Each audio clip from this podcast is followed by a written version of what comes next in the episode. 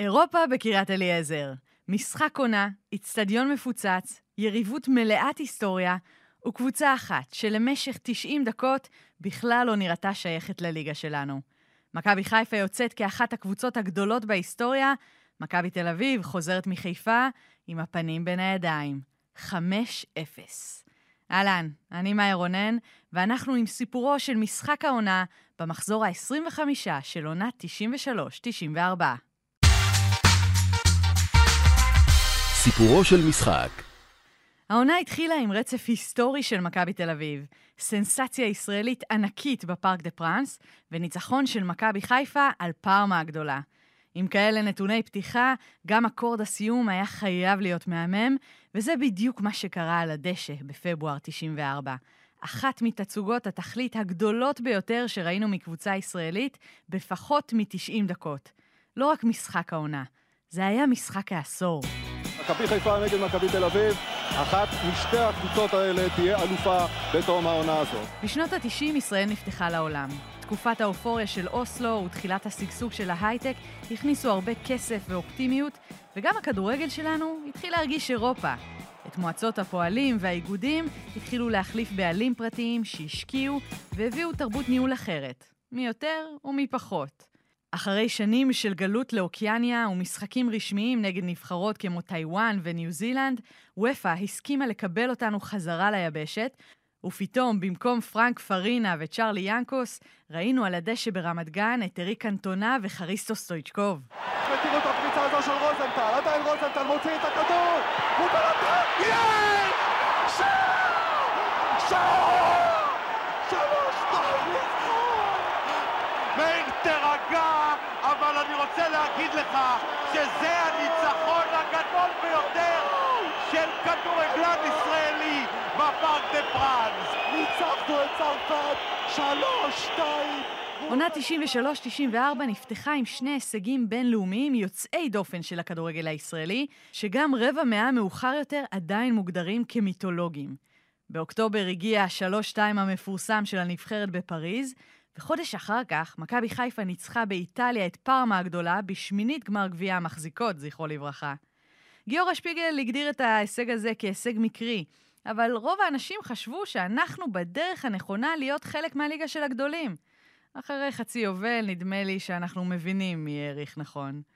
שתי האלופות האחרונות של הליגה, מכבי תל אביב האימתנית של 92 וביתר ירושלים המפתיעה של 93, דחקו את מכבי חיפה מהקרב על התואר, אבל גמר גביע של 93, כשראובן עטר הכניע את אוברוב, אותת שהקבוצה של גיורא שפיגל, פעם סמל המכביזם, חוזרת לעניינים. אלון חזן, מכוכבי מכבי חיפה בתקופה הזו, מתייחס. כמה ימים לפני כן היינו באימון נבחרת, והיה משחק בין ברצלונה לריאל מדריד. והמשחק נגמר גם 5-0 בברצלונה. ואז באנו לאימון נבחרת, ושאל אותי עיתונאי, למה בספרד יכול להיות דבר כזה ואצלנו משחקי עונה לא מתקרבים לרמה הזו? אז אמרתי לו, יש משחק עונה בשבת, לך תדע מה יכול להיות שם, יכול שתקבל אותו דבר.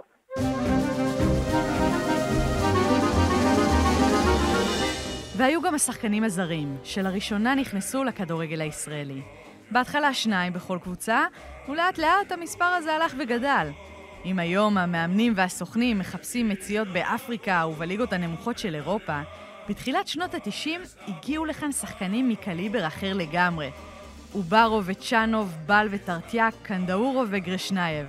אפילו אוסקר גארה, שזכה במונדיאל עם ארגנטינה ב-86, הגיע לכפר סבא בשלהי הקריירה שלו. ההשפעה של הזרים החדשים על הכדורגל שלנו הייתה דרמטית. קודם כל ברמה המקצועית.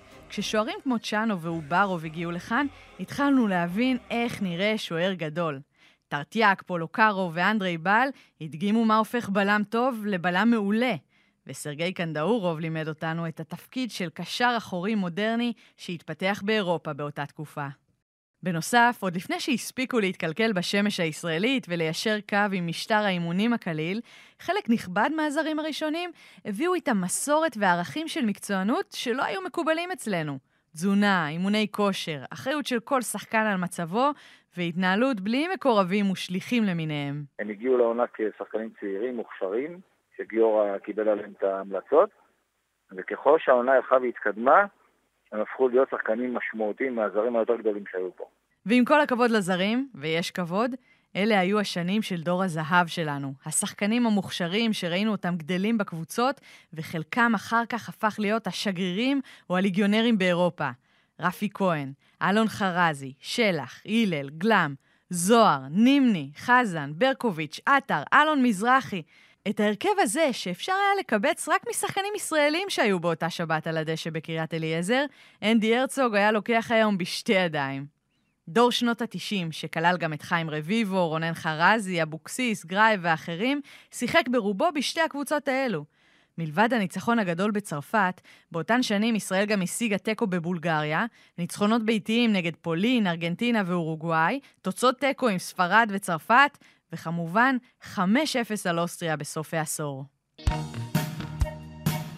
מאז התחושה היא שאנחנו בעיקר הולכים אחורה, בטח ברמת הנבחרת, אבל יכול להיות שבעצם אנחנו פשוט דורכים במקום והיבשת מתקדמת עם תוכניות אימון וטכנולוגיות שלא מגיעות לכאן?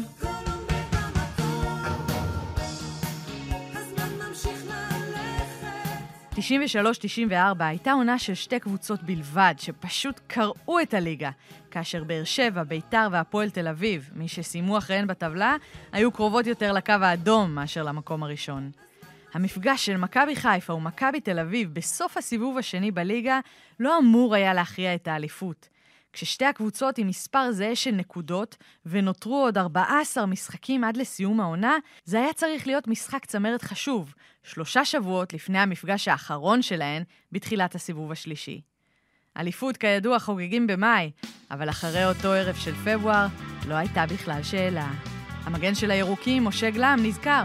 קבוצה כמו שלנו במכבי חיפה בשנת 93-4 אה, לא הייתה ואני גם לא רואה בעתיד שתהיה קבוצה עוד ברמה הזאת. היה זה יום סגריר, והקבוצה הפסידה. הוא היה מטורף, אמר, פוליטיקאי משופשף. זה לא היה סוף שבוע רגיל בישראל. ב-25 בפברואר, יום לפני המשחק, המדינה התעוררה לבוקר של פורים עם חדשות קשות על הטבח במערת המכפלה. אחרי שבת מתוחה ודרמטית, 20 אלף איש שמו בצד את החששות ויצאו לאצטדיון הישן כבר אז, ליד תחנת הרכבת של בת גלים. עוד נשמע מיובל בנאי על כל הסיבות שהובילו אותו לכתוב ולהלחין את הלהיט הזה, אבל לפני זה, כדורגל. לחיפה של גיורא שפיגל הייתה כבר הילה של מועדון אירופי וקבוצה עם קלאסה של ברקוביץ' ועטר, ולעומתה מכבי תל אביב של גרנט הייתה הקבוצה הקשוחה של קלינגר ואוברוב. שינוי אחד היה בהרכב של הצהובים, המגן הימני אבי כהן היה פצוע, ובמקומו עלה עופר וילנצ'יק. עופר מי? בדיוק. בעבור המגן הצעיר והאלמוני זו הייתה ההופעה הרביעית בלבד בליגה. מה שנקרא טבילת אש. כולם קוראים לזה משחק העונה, מכבי חיפה נגד מכבי תל אביב. אחת משתי הקבוצות האלה תהיה אלופה בתום העונה הזאת. כבר בפתיחה היה ברור לאן המשחק הזה הולך. אחרי תשע דקות אייל ברקוביץ' פרץ מצוין דרך המרכז, חיפש כמו תמיד את המסירה, וכשלא מצא, החליט לבעוט מחוץ לרחבה. ברקוביץ' מנסה להגיע למצב של בעיטה! אייל ברקוביץ'! דקה תשיעית! 13 דקות אחר כך שוב ברקוביץ', הפעם בלי לגעת בכדור, הקוסם פתח רגליים ונתן למסירה של רוני לוי להגיע לאלון מזרחי בתוך הרחבה. 28 שערים היו לאווירון באותה עונה, וכשהוא עמד מול שוער, השופט כבר יכול היה לסמן למרכז המגרש בלי לטרוח לראות את סוף המהלך. 2-0. למי שלא הכיר ולמי שלא זוכר, להכניס גול לשורה אוברוב בשנים הראשונות שלו בישראל זו הייתה משימה קשה, לעתים על גבול הבלתי אפשרית.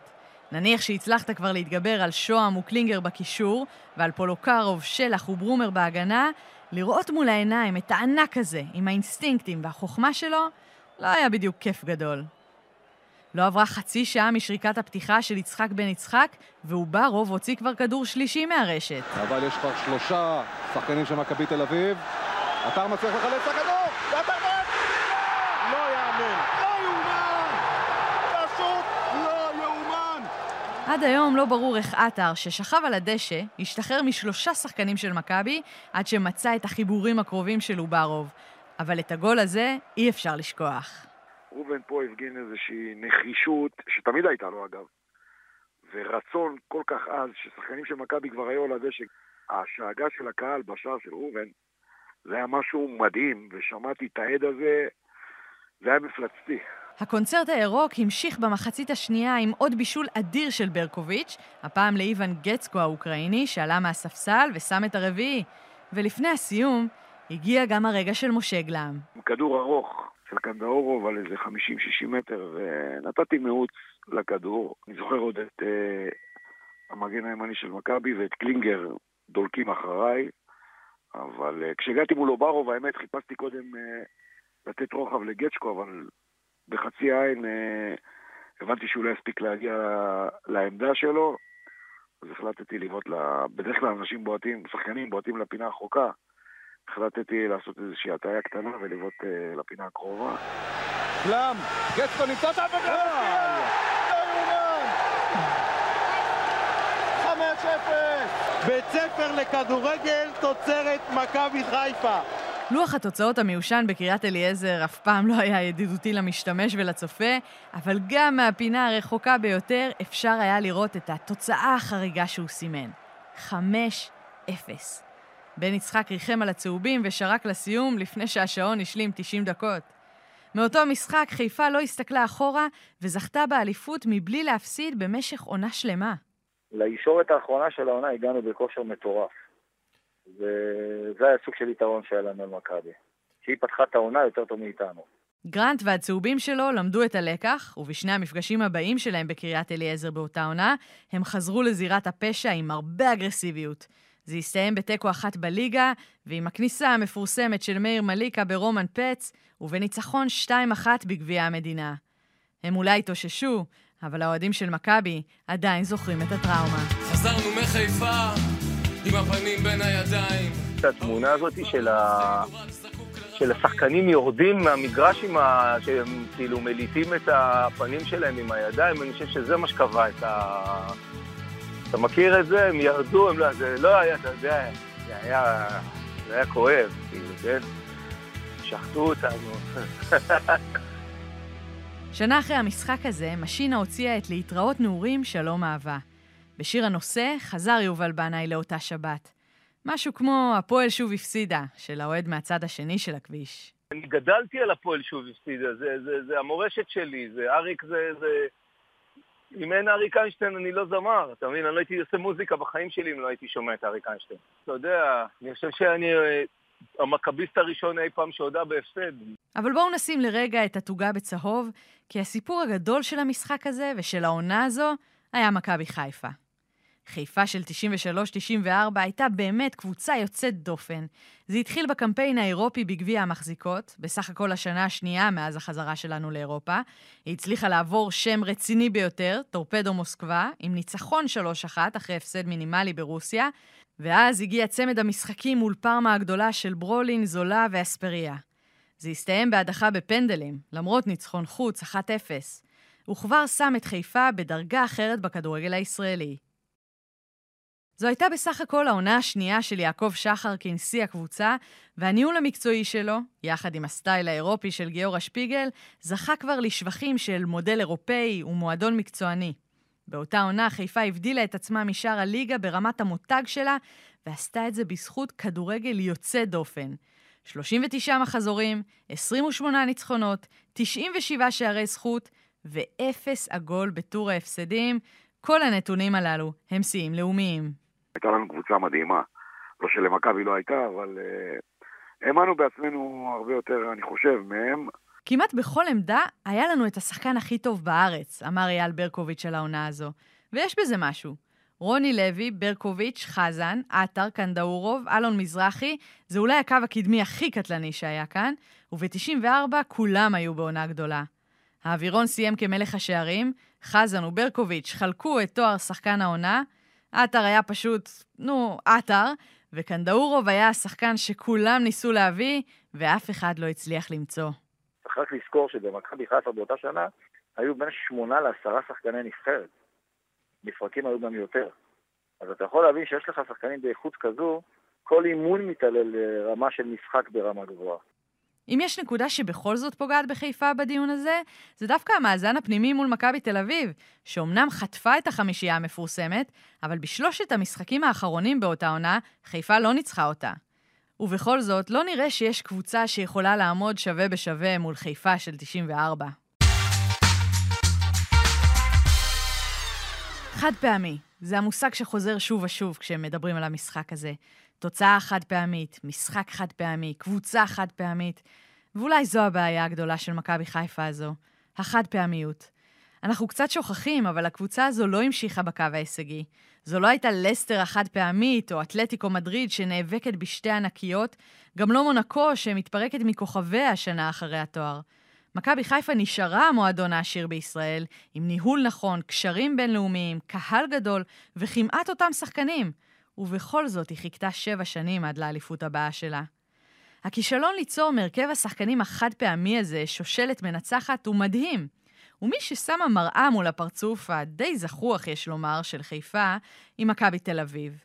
מהתבוסה הזו היא המשיכה לזכייה בגביע, לאליפות בעונה הבאה ולדאבל בזו שלאחר מכן, וכל זאת עם סגל שחקנים שנחשב במובהק נחות ממה שהיה לירוקים להציע. נבחרת הברומרים, קרא להם מישהו, והעלבון הזה דווקא היה מחמאה. בגיל 22 אייל ברקוביץ' זכה באליפות האחרונה שלו בקריירה, ורק יוסי בניון, יניב קטן וג'ובאני רוסו הצליחו להחזיר את הצלחת לכרמל בתחילת העשור הבא. זה מועדון שתמיד דורש, ובצדק, לזכות בתארים ולרוץ בצמרת כל הזמן ולייצר שחקנים גם לנבחרות, אבל בשנים האחרונות הכישלון הטוטלי הוא של, לדעתי, זה אך ורק מאמנים. שנות ה-90 עדיין צרובות בזיכרון ההיסטורי כעשור הגדול של מכבי חיפה המלהיבה.